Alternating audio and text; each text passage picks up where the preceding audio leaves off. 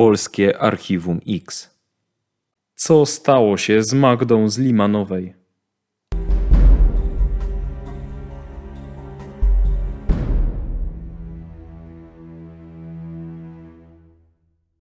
Magdalena Pałka z Limanowej jest poszukiwana od 2016 roku. Jeśli żyje, dziś ma 36 lat.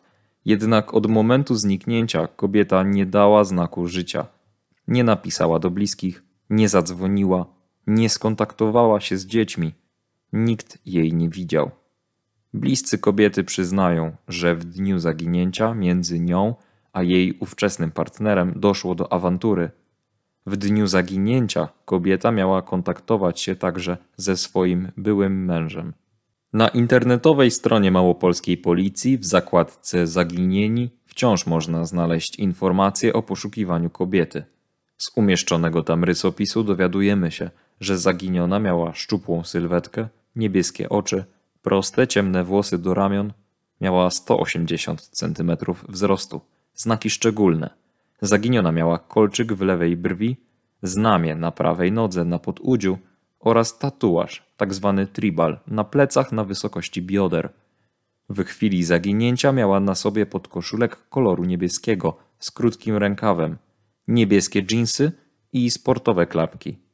Magdalena nie miała łatwego charakteru i zdarzało się, że czasem nie potrafiła panować nad swoim temperamentem. W 2007 roku pani Magdalena rozwiodła się z mężem. Dwojgiem dzieci zaopiekował się wówczas ich tata Rafał. Pani Magdalena zamieszkała wówczas ze swoim nowym partnerem, 22-letnim panem Marcinem. Kilka lat później urodziła mu syna. Kobieta była bardzo przywiązana do dziecka. Mężczyzna bywał agresywny, miał wyważyć drzwi do mieszkania, próbował ją dusić. Kobieta nigdy jednak nie zdecydowała się na zgłoszenie sprawy na policję. Do tych zdarzeń miało dojść dwa lata przed zaginięciem kobiety. 25 czerwca 2016 roku wczesnym wieczorem pomiędzy Magdaleną a jej ówczesnym partnerem doszło do kłótni. W jej wyniku wzburzona kobieta postanowiła wyjść z domu. Powodem kłótni były najprawdopodobniej rozmowy, jakie za pomocą internetu prowadził pan Marcin z innymi kobietami. Wiadomo, że podczas awantury pani Magdalena uszkodziła mężczyźnie laptopa. Partner zaginionej opowiada, że miała ona wyjść z mieszkania po papierosy. Wtedy widział ją po raz ostatni. Kobieta już po swoim wyjściu miała mu przesłać jeszcze ostatniego SMS-a. Napisała: Daj mi pooddychać w spokoju, zajmij się Igorem, wrócę niedługo. W dniu zaginięcia Magdalena miała kontakt ze swoim byłym mężem. Wymieniła z nim kilka wiadomości SMS-owych. Kiedy mężczyzna próbował do niej zadzwonić, nie odebrała połączenia. Potem kobieta miała zakończyć korespondencję, pisząc, że idzie już spać. Tak wynika innymi z relacji mężczyzny. Co ciekawe, mężczyzna nie przyznał się do tego kontaktu od razu. Opowiedział o tym rodzinie Magdaleny dopiero kilka tygodni po zaginięciu. Z uwagi na rozmieszczenie przekaźników nieznana jest dokładna lokalizacja telefonu pani Magdaleny. Wiadomo jedynie, że telefon znajdował się wtedy w centrum Limanowej, czyli niedaleko miejsca zamieszkania kobiety. Jednak czy rzeczywiście to ona pisała te wiadomości, tego nie wiadomo. Wieczorem w dniu zaginięcia telefon został wyłączony. Włączony został tylko na chwilę. Jego logowanie odbyło się na trasie między Limanową a Nowym Sączem.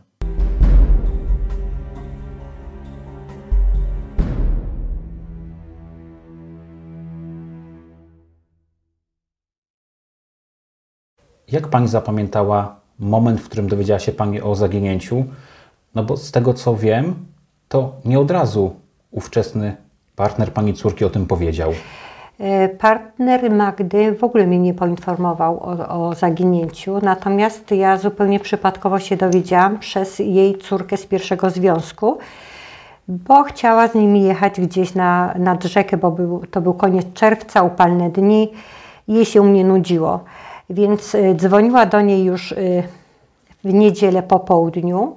Magda nie odbierała telefonu. W poniedziałek byłam w pracy I Julitka tutaj ode mnie dzwoniła po raz drugi do Magdy, nie dodzwoniła się. Ja jej zaproponowałam, żeby ona poszła y, do, do niej do domu, bo to jest odległość 500 metrów w linii prostej. No i poszła. Oczywiście mama nie otwiera drzwi, do mnie dzwoni, że nie otwiera mama jej drzwi. To więc ja jej mówię, no trudno, musisz zostać u mnie. Zadzwoniłam wtedy do matki jej partnera. I pytam się, czy nie wie, co się stało, że Magda się nie odzywa do mnie, czy się pokłócili, czy coś. A Doka mi, no, dzisiaj na imię mówi do mnie w ten sposób, że e, e, Magda po prostu zaginęła. Pytam, pierwsze moje pytanie padło, czy, czy zgłosili to na policję. Ona mówi, że nie. Ja ją prosiłam, żeby jak najszybciej zgłosili na policję. Coś mnie tknęło, że mogło się coś wydarzyć. No właśnie, mija kilka dni od zaginięcia. Policja nic nie wie. Pani naciska, prosi partnera o to, żeby zgłosił tak. zaginięcie na policję. Co on robi? On od razu idzie na tą policję? Nie, nie.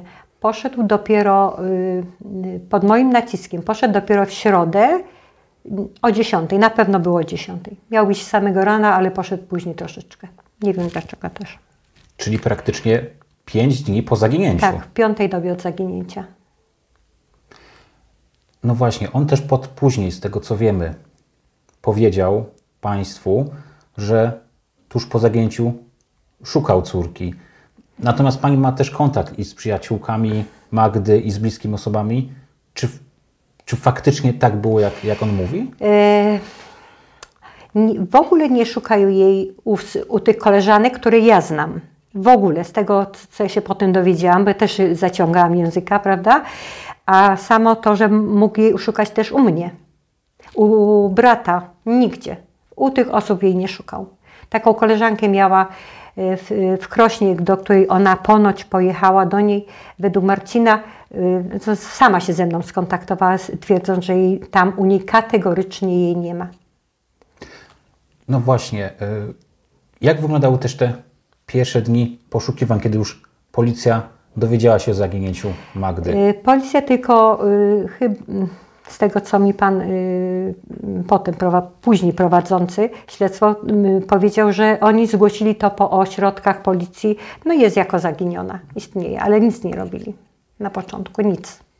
Wróćmy do tego dnia zaginięcia. Jest to sobota, koniec czerwca 2016 tak. roku. Jak ten dzień, jak ten moment zaginięcia wyglądał? Czego pani uda, co Pani udało się ustalić po czasie? Yy, no to ja się dowiedziałam tyle, że do południa, yy, czyli rano, razem z Marcinem poszli do jakiejś pracy. Ona miała czyścić samochody po remoncie i ona sobie za dany samochód zarabiała jakoś tam kwotę pieniędzy, coś, jakoś, coś tam zarabiała, nie wiem, nie mam pojęcia ile. I wrócili, a dzieckiem zajmowała się właśnie matka Marcina. Dziecko miało dwa i pół roczku wtedy, nie, przepraszam, dwa, dwa albo trzy. 2002 jest dwa, cztery latka, cztery lata miał Igor. Y, no i wrócili do domu na obiad, gdzieś koło godziny 14. Zjedli obiad i Marcin ponoć pojechał odwieźć matkę na podłopień do tym tam koło barku. Wrócił i on twierdził, że Magda już była pijana. Ale wyszła po papierosy. Nie, nie, to nie wtedy wyszła. Właśnie. No i wrócił, ale była pijana i tam się o coś pokłócili, już nie wiem o co, znaczy, ale jeszcze tak, jest zeznał jedna. Marcin. Tak, tak. Bo nikt inny tego nie zeznał, nie. że córka tego wieczoru miała pić alkohol, tego nie wiemy. Nie, nikt nie widział tego. I natomiast y, w ogóle nie jest ustalone na policji, co robili między, już przypuśćmy, że wróciło o 16 z tego tym barku, między 16 a 19. Nie ma nic. Nie wiadomo. No właśnie, według zeznań Marcina i według SMS-a, którego ktoś wysłał z komórki pani córki, bo nie wiadomo, kto, no nie kto wiadomo. tego SMS-a wysłał, ona miała wyjść po papierosy. Natomiast monitoring tuż przy wyjściu z miejsca, gdzie mieszkali, nie zarejestrował córki. No ten monitoring, który jest zabezpieczony przez policję na ulicy tam Józefa Marka, gdzie ona powinna była najkrótsza droga do, do kiosku, czy kupić te papierosy, nie ma jej na tym monitoringu. Mi, policja mi udostępniła monitoring od godziny bodajże 15 zabezpieczony do 21. Ja oglądałam calusieńki ten, ten, ten, ten zabezpieczony monitoring. Nie ma Magdy na ulicy tam. Jest Pani pewna, że tej Magdy tam nie ma? Na 100%. Upał, nie było dużo ludzi na ulicy, po, pojedyncze mogłam rozpoznać. Magda też była osobą, która bardzo kochała swojego najmłodszego syna, Igora. Ona praktycznie nie rozstawała się z nim. Tak, tak. Nie rozstawała się kategorycznie z nim, nawet na moment. Wszędzie z nim chodziła. Przyjmując taką wersję, że gdyby Magda chciała uciec, najprawdopodobniej Igora by zabrała ze sobą? Tak, na 100%. Pierwsze pytanie, które padło do. y, Ja nawet jak się pytałam, prawda? y, Dowiedziałam się w poniedziałek od że e, Magda poszła gdzieś, no nie ma, nie ma jej, to pytam się, a co z Igorem? No, no jest, został. Nieprawdopodobne. Ona zawsze, wszędzie, wszędzie z nim chodziła. Zaskoczyło Panią to, że Nie Magda nie zabrała dziecka? Oczywiście. I każdego chyba zaskoczyło to, że nie zabrała Igora. Niesamowicie była z nim emocjonalnie związana.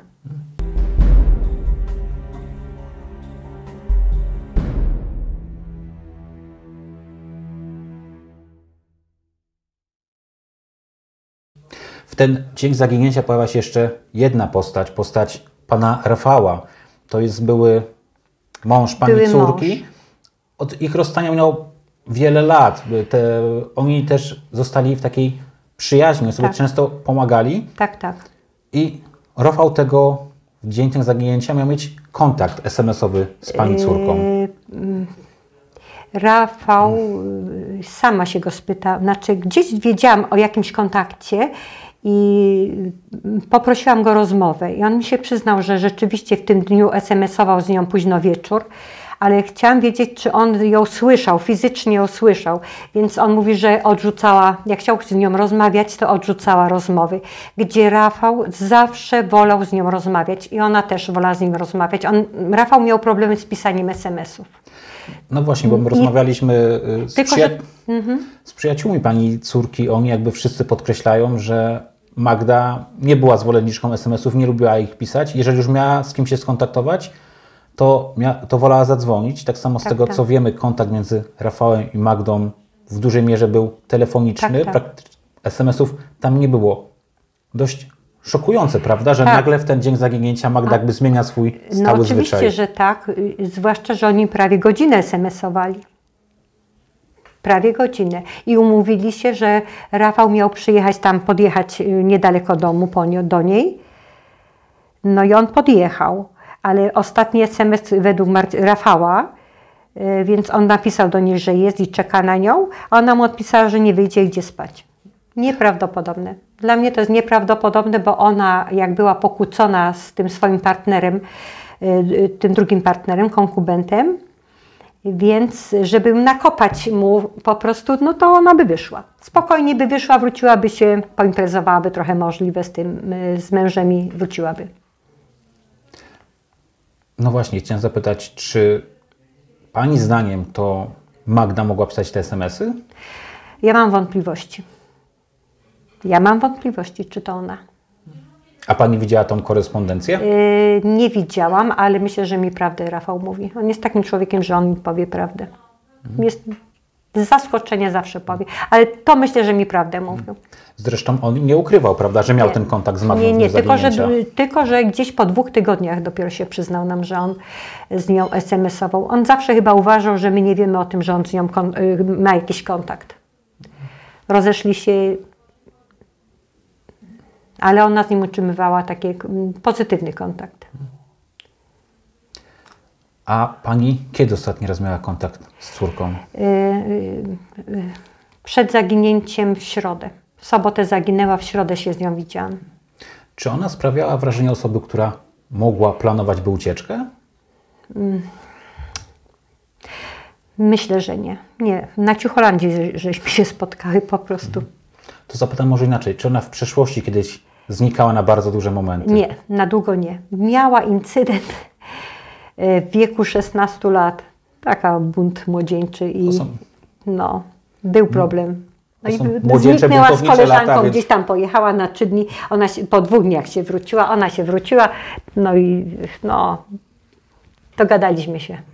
Kiedy Magda zginęła, okazało się, że ona miała zebrać ze sobą tylko 150 No, zł, tak. kartę płatniczą, Tak. żadnych ubrań, Żadnych. żadnych kosmetyków. Tak. Y, Syn został na miejscu. Tak. No, tak chyba nie zachowuje się osoba, która chciała Nie, w jakiś nie. sposób zniknąć. Nie, bo zwłaszcza, że nie, nie. Ona zawsze bardzo dba o siebie, zawsze. A y, no, nie wierzę, żeby nie zabrała jakichkolwiek ubrań, jakiekolwiek buty na zamianę, na cokolwiek. A jeszcze jedno, jeżeli by nawet jak po, policja mi sugerowała, że ona mogła wyjść gdzieś, potem wrócić do domu, jak Marcina nie było w domu, y, znaczy ona by wróciła wtedy, na przykład rano by się ukąpała, jakby miała ochotę gdzieś wyjechać to y, gdzieś by przesiedziała na przykład do, tej, do rana, wiedząc o tym, że Marcin jedzie do swojej mamy na obiad, wróciłaby do domu, na pewno by się ukąpała, doprowadziłaby się do elegancji swojej, przebrałaby się, wyjechałaby. Ubrania by na pewno zostawiła nieświeże. To nie było mowy. Pani też kilka dni po zaginięciu swojej córki zwróciła uwagę na fakt, że mieszkanie, kamienicę, wo- y, gdzie córka wynajmowała wspólnie z partnerem lokum, to tuż obok kamienicy był basen i ten basen po Tak. zaginięciu, no właśnie, co się z nim stało? Nie mam pojęcia. Ja na pewno, na pewno koduję, że tego basenu nie było na drugi dzień. Znaczy nie na drugi, ja w czwartek tam byłam u Rafała, u, u Marcina. Marcina. Y, Byłam wieczorem y, i na 100% ba- basenu nie było. Czyli ten, Był z boku, był rozłożony, był obok domu. Czyli ten basen zniknął, z tego co rozumiem, kilka dni po zaginięciu Magdy. Albo inaczej, pani dostrzegła ten. No ja to zauważyłam kilka dni po zaginięciu, prawda? Ale czy go już od razu nie było, czy jaki w którymś dniu zaginął, nie mam pojęcia. Pani pytała partnera córki, co się z Nie nim stało? śmiałam. Nie śmiałam. Bałabym się. Po prostu się bałam pewnych rzeczy z nim. O pewnych rzeczach z nim rozmawiać. Do dzisiaj nie rozmawiam z nim o wielu rzeczach. Jakiś taki. Skąd ten strach? Nie mam pojęcia. wynika? Pierwsze w ogóle. Y, y, pierwsza moja świadomość była taka, jak się dowiedziałam, że Magda zaginęła, że jej nie ma, że coś się wydarzyło. Od razu mi coś zaświtało w głowie. Nawet do panów policjantów prosiłam ich, żeby jak już Mar- y, Marcin już zgłosił y, o jej, zag- jej zaginięcie, więc prosiłam ich, żeby ją, ją szukać za jej telefonem, bo ona miała dobrej marki telefon. I myślałam, że ma włączony, więc za GPS-em czy tam można by ją było zlokalizować. Ten telefon po zaginięciu zostaje wyłączony, włącza się ino tylko na chwilkę raz, bodajże w niedzielę. Tak, i po po- późnym popołudniem. Loguje się na trasie między Limanową a Nowym Sączem. Tak, kim podobno się loguje na kilka, nawet nie na minutę. Wyglądało to tak, że jakby ktoś zaglądał tylko do niego, no i go wyłączył. I więcej już nie loguje się nigdzie. W nie, późnym popołudnie w niedzielę. Pani powiedziała na czy rozumiem, że jest to jakaś miejscowość między... Tak, tak, między Limanową a Nową Sączem. Połowa trasy mniej więcej. Pani kiedyś tam była już po zaginięciu córki? Y, w tym miejscu, znaczy, żeby tam szukać, to nie. Powiem panu, że mi nawet nie przyszło do głowy, żeby ją tam szukać. Zresztą tam są lasy, pagóry, doliny i ulica, no je, ulica jest trasa, no to tamtędy się jeździ do Nowego Sącza. To na pewno kilka razy jeź- jeździłam, jechałam, ale nie myśląc w ogóle o tym, że tam by mogła być. Nie myślałam. Czyli jeżeli zakładając, że Magdzie ktoś zrobił krzywdę, jest to idealne miejsce, gdzie można pozbyć się ciała. No mogłoby być. Łącznie z tym, no mogłoby być tam miejsce, prawda? Mogłoby być. Tylko, że ktoś tam musiałby znać te tereny, gdzie można się y, zatrzymać samochód, być niezauważonym, że coś się więcej robi, prawda? Natomiast y, y, osoba, którą ja, ja podejrzewam cały czas, mieszka y, w, w okolicach Mogielicy. To jest najwyższy szczyt w Beskidzie Wyspowym. Następne lasy. Lasy, jary, bagna. Podłopień y, zachodni, podłopień są jedne bagna. Czyli tak naprawdę logowanie tego telefonu może sugerować, że być może, Być może. ktoś chciał ukryć jakieś dowody, a jednocześnie jest osoba, która musi doskonale znać ten teren. Powinien znać. No nie wiem na ile by ktoś znał ten teren tam. Ulica jest ulicą, prawda? Gdzieś lasy są lasami. Lepiej znał, y, ta osoba znała i to, co ja podejrzewam, to raczej Mogielicę by znała. Ale to są wszystko lasy, lasy, lasy, lasy. Wilki, lasy.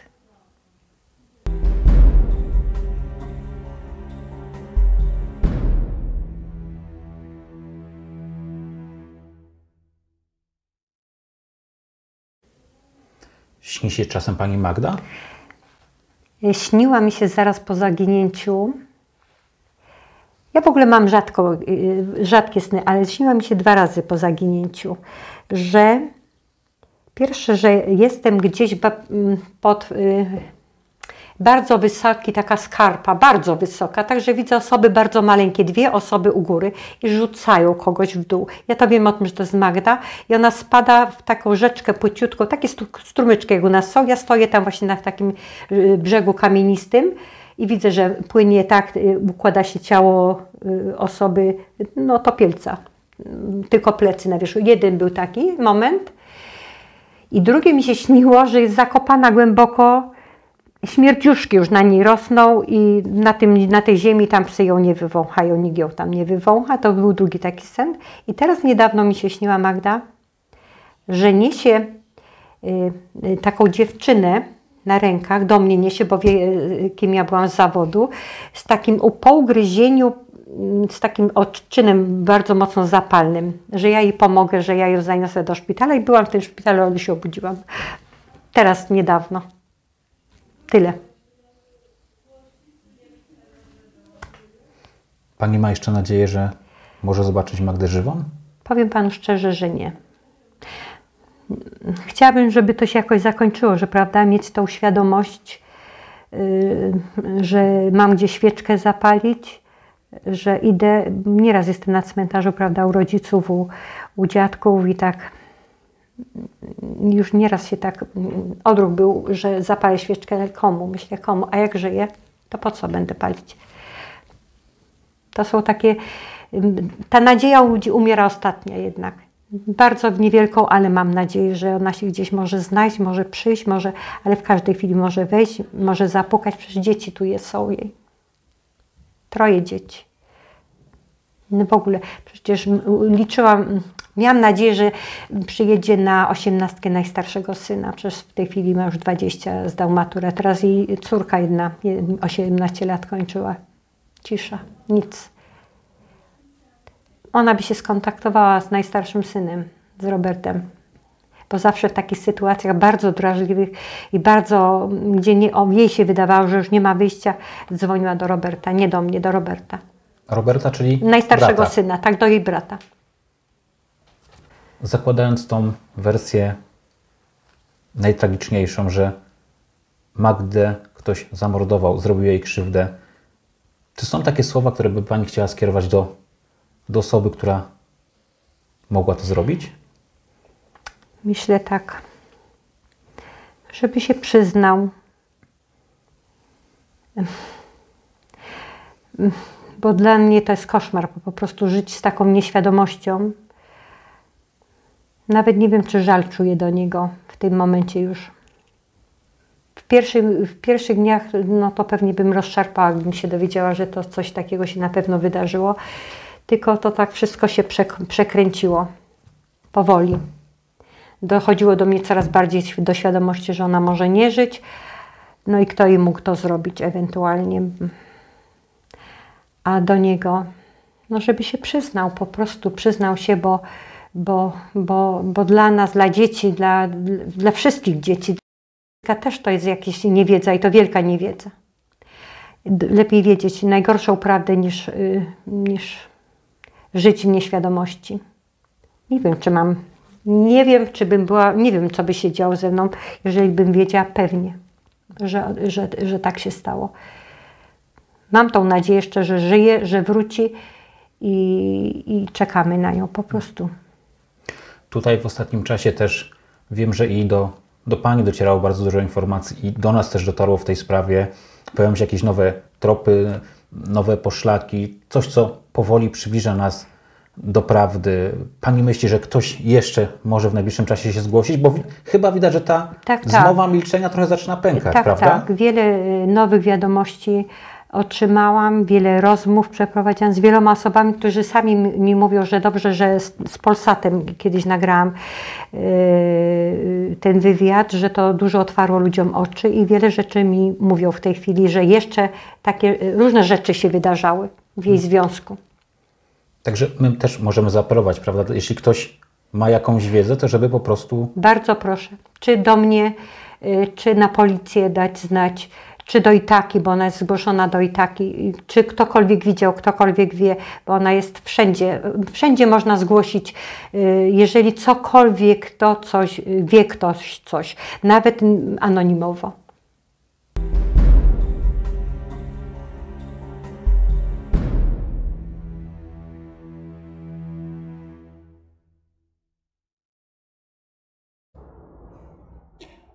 Według oficjalnej wersji policjantów z Limanowej pani Magda wychodzi wieczorem z domu, ma iść po papierosy i od tamtej pory ślad po niej zaginął. Twoim zdaniem ta wersja jest prawdziwa? Nie, to oczywiście, że nie. To taką wersję się podaje na początku. Można w taką rzecz uwierzyć, prawda, dzień czy dwa dni po zaginięciu, bo wszystko się może wydarzyć, prawda. To wszystko zależy, zależne jest od rytmu życia osoby zaginionej. To trzeba badać i, i stwierdzać, czy w przeszłości no, takie zniknięcia na jakiś dłuższy czas miały miejsce. Y, dlatego mówię, że jest to proces bardzo indywidualny i nie chcę go tutaj uogólniać. Natomiast tak się to zaczyna przy zgłoszeniu, prawda? Ktoś wychodzi po papierosy, ktoś wychodzi do sklepu po mleko, y, ktoś wychodzi do szkoły, do miejsca pracy i nie powraca. Tak to zazwyczaj y, w aktach sprawy poszukiwawczej jest zapisane. Natomiast kiedy już upływa czas, a tutaj mamy dosyć długi upływ czasu, to praktycznie, znowu się powtórzę, ale każda upływająca sekunda jest dowodem na to, że dana osoba nie żyje. To trzeba oczywiście udowodnić procesowo, to znaczy pamiętać trzeba, że w dzisiejszych czasach praktycznie nikt już y, nie posługuje się na przykład telefonami stacjonarnymi. Każdy ma praktycznie komórkę, bo jest niezbędna.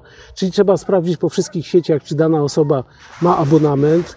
Tak samo to dotyczy na przykład wykupywania lekarstw. Jeżeli ktoś leczył się i na przykład stale przyjmował jakieś leki, no to się sprawdza po prostu, czy gdzieś w jakiejś części kraju nie nastąpiło właśnie zakup y, lekarstwa, tak samo numery konta i, i, i szereg hmm. innych różnych rzeczy, to trzeba wszystko zgromadzić taki materiał dowodowy, żeby pokazać, że dana osoba no, nie funkcjonuje, że to jest niemożliwe, żeby funkcjonowała, żyła po prostu i to jest dowód bez y, bez, bez tego znalezienia miejsca schowania zwłok na to, że osoba nie żyje. Natomiast Oczywiście proces poszukiwania zwłok jest najtrudniejszym procesem. Ja zawsze go porównywałem do szukania skarbu. To jest naprawdę bardzo trudny, bo, bo to też zależy znowu od indywidualnych cech sprawcy y, danego czynu, od jego przyzwyczajeń.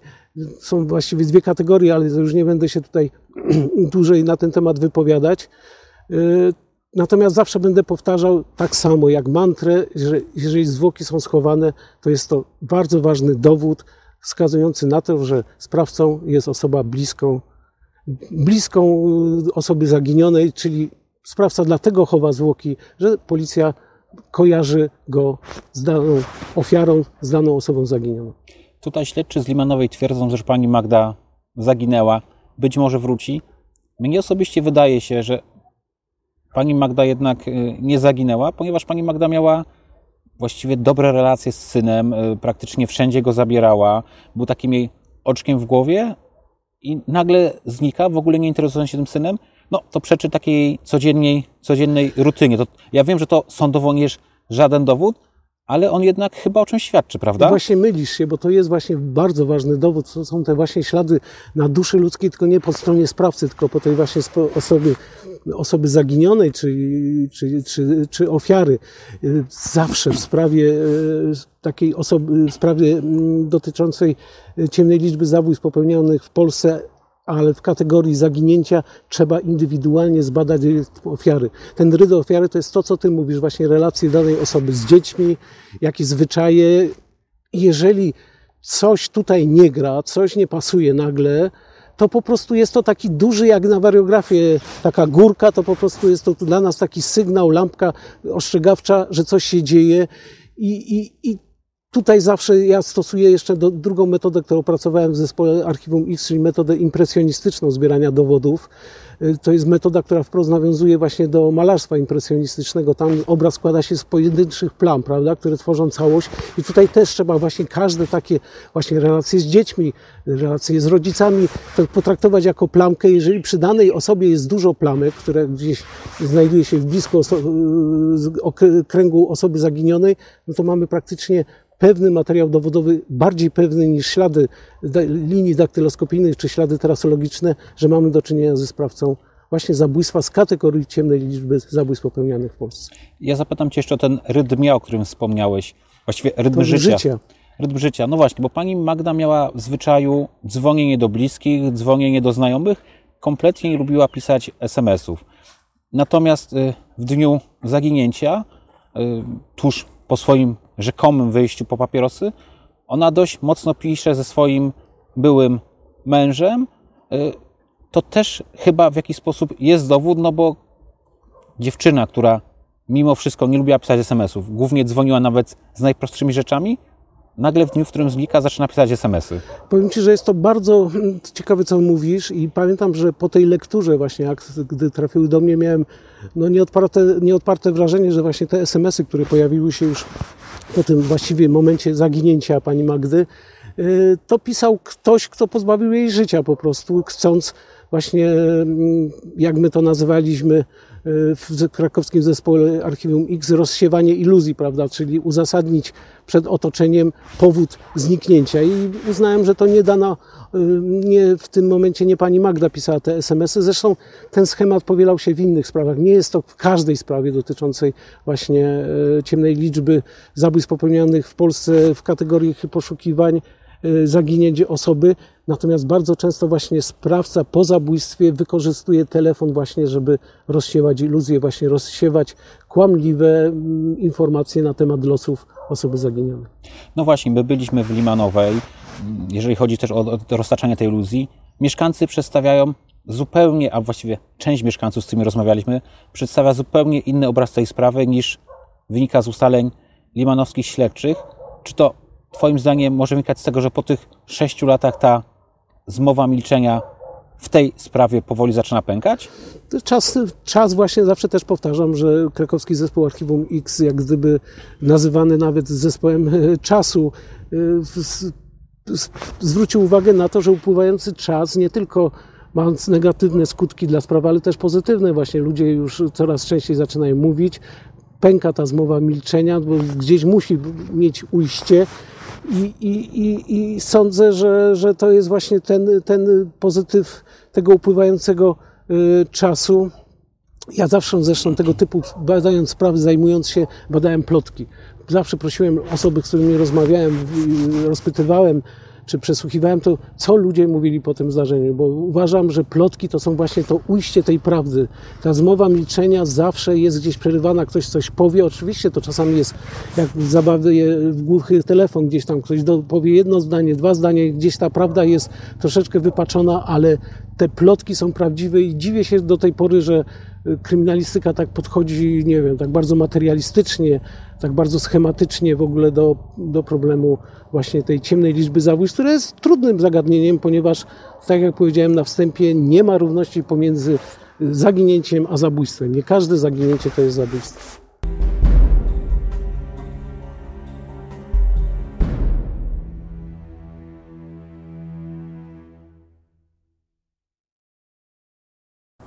Mariusz, co ty sądzisz o tej sprawie? Co ja sądzę o tej sprawie? Ja udając się z Tobą do Limanowej i słuchając wypowiedzi matki zaginionej, e, odnoszę takie wrażenie, że no, z punktu widzenia naszego policyjnego jest to sprawa, która jednak jednoznacznie e, skłaniałbym się ku temu, że Y, ta osoba nie żyje, prawda? Natomiast w dalszym ciągu, jak widać z wypowiedzi y, najbliższych, jest to wszystko przedstawione w takiej formie, że ta osoba może gdzieś przebywać, że opuściła swoje miejsce zamieszkania, że być może przebywa gdzieś na terenie kraju. Dla nas, z naszego doświadczenia, z wypowiedzi, z historii przedstawionej przez matkę i najbliższych, tutaj jednoznacznie wynika, że jednak tutaj mamy do czynienia z przestępczym charakterem tego zdarzenia. Kobieta ta nie żyje, a zwłoki są ukryte. I tutaj, tak jak wielokrotnie rozmawialiśmy, ukrycie zwłok wskazuje jednak na to, że mm, jednak jakaś relacja ofiary ze sprawcą nastąpiła, gdyż przeważnie, gdyby to było zabójstwo jakieś sytuacyjne, y, te zwłoki gdzieś zostałyby odnalezione, nie zostałyby ukryte.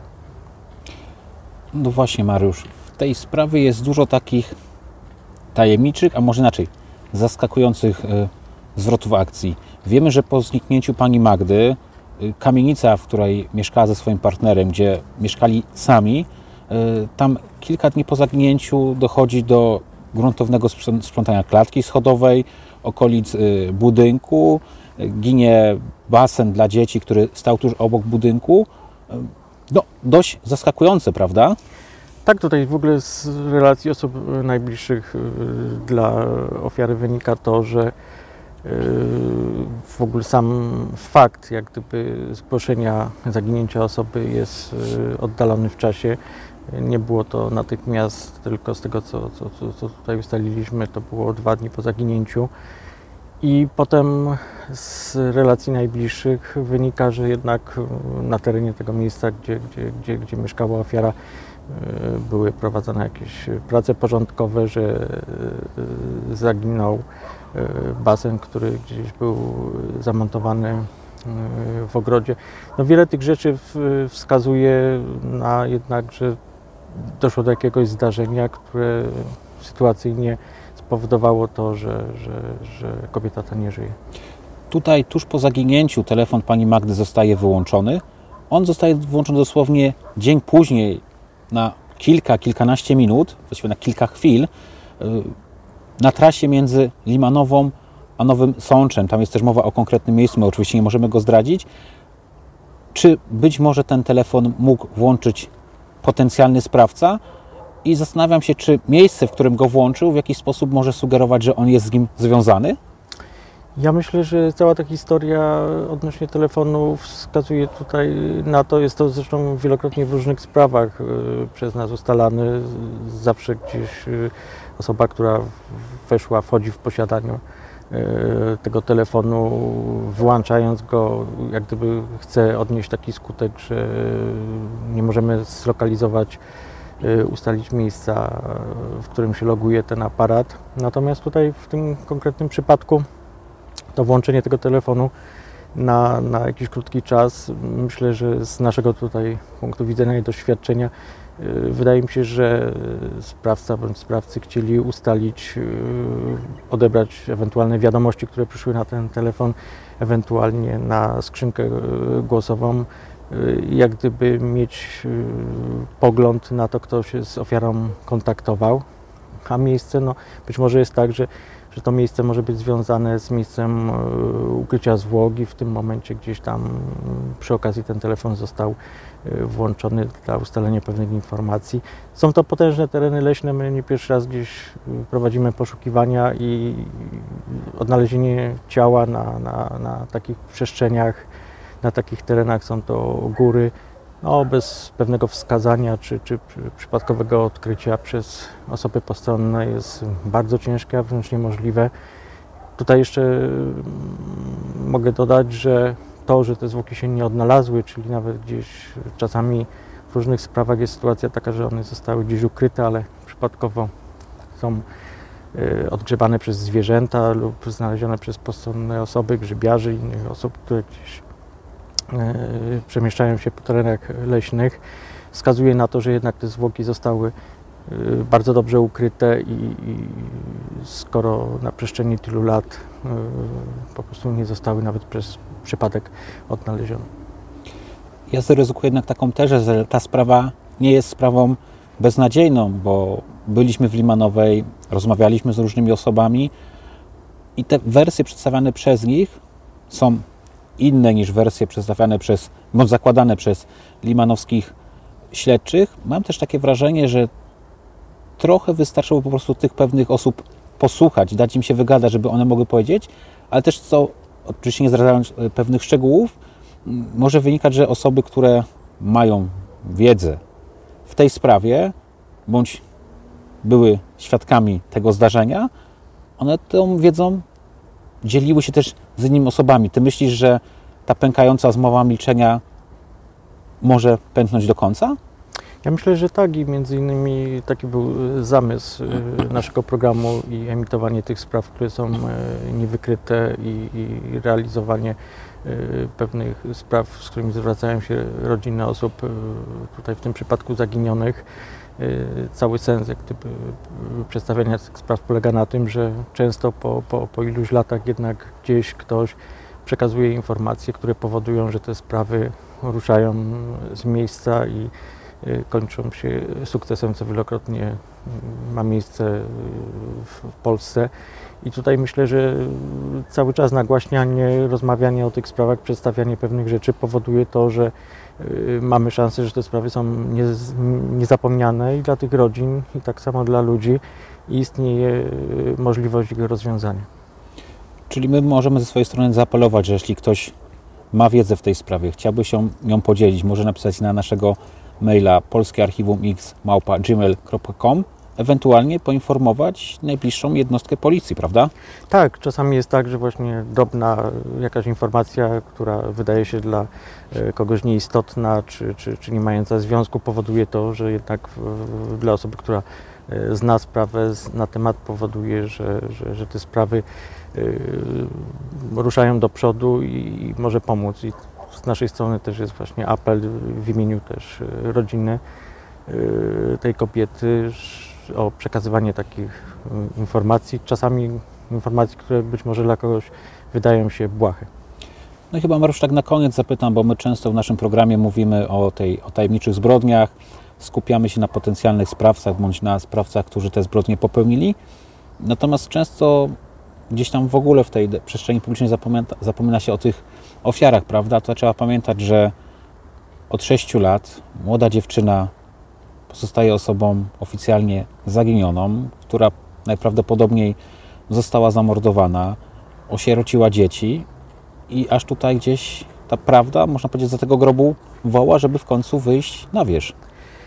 Tak, bo często jest tak i że te rodziny zostają e, po pewnym czasie same z, z, z, tym zdarzeniem, e, nie otrzymują jakiejś pomocy, one są zrozpaczone, chciałyby wyjaśnić tą sprawę, chciałyby odnaleźć tych najbliższych, e, czy w postaci nawet organizacji jakiegoś pogrzebu, czy szczątków tych najbliższych. I ja myślę, że coraz więcej historii, które są przedstawiane i z których się zwraca do nas i, i organy ścigania, y, jest szansa na to, że, że te sprawy mogą zostać rozwiązane. Tu pamiętajmy, że sprawy, które y, nie są y, wznawiane, nagłaśniane, powodują to, że są zapomniane, o nich się zapomina i być może przez wiele, wiele lat ci sprawcy są bezkarni, chociaż jak wskazują ostatnie sukcesy, czy nawet ostatni nasz program jest tak często, że policja do nich wraca i, kończą się po bardzo długim okresie wykryciem sprawcy i, i czasami e, okazuje się zaskakująco, że ten sprawca był bardzo blisko. Spoko. Spoko na Maroko.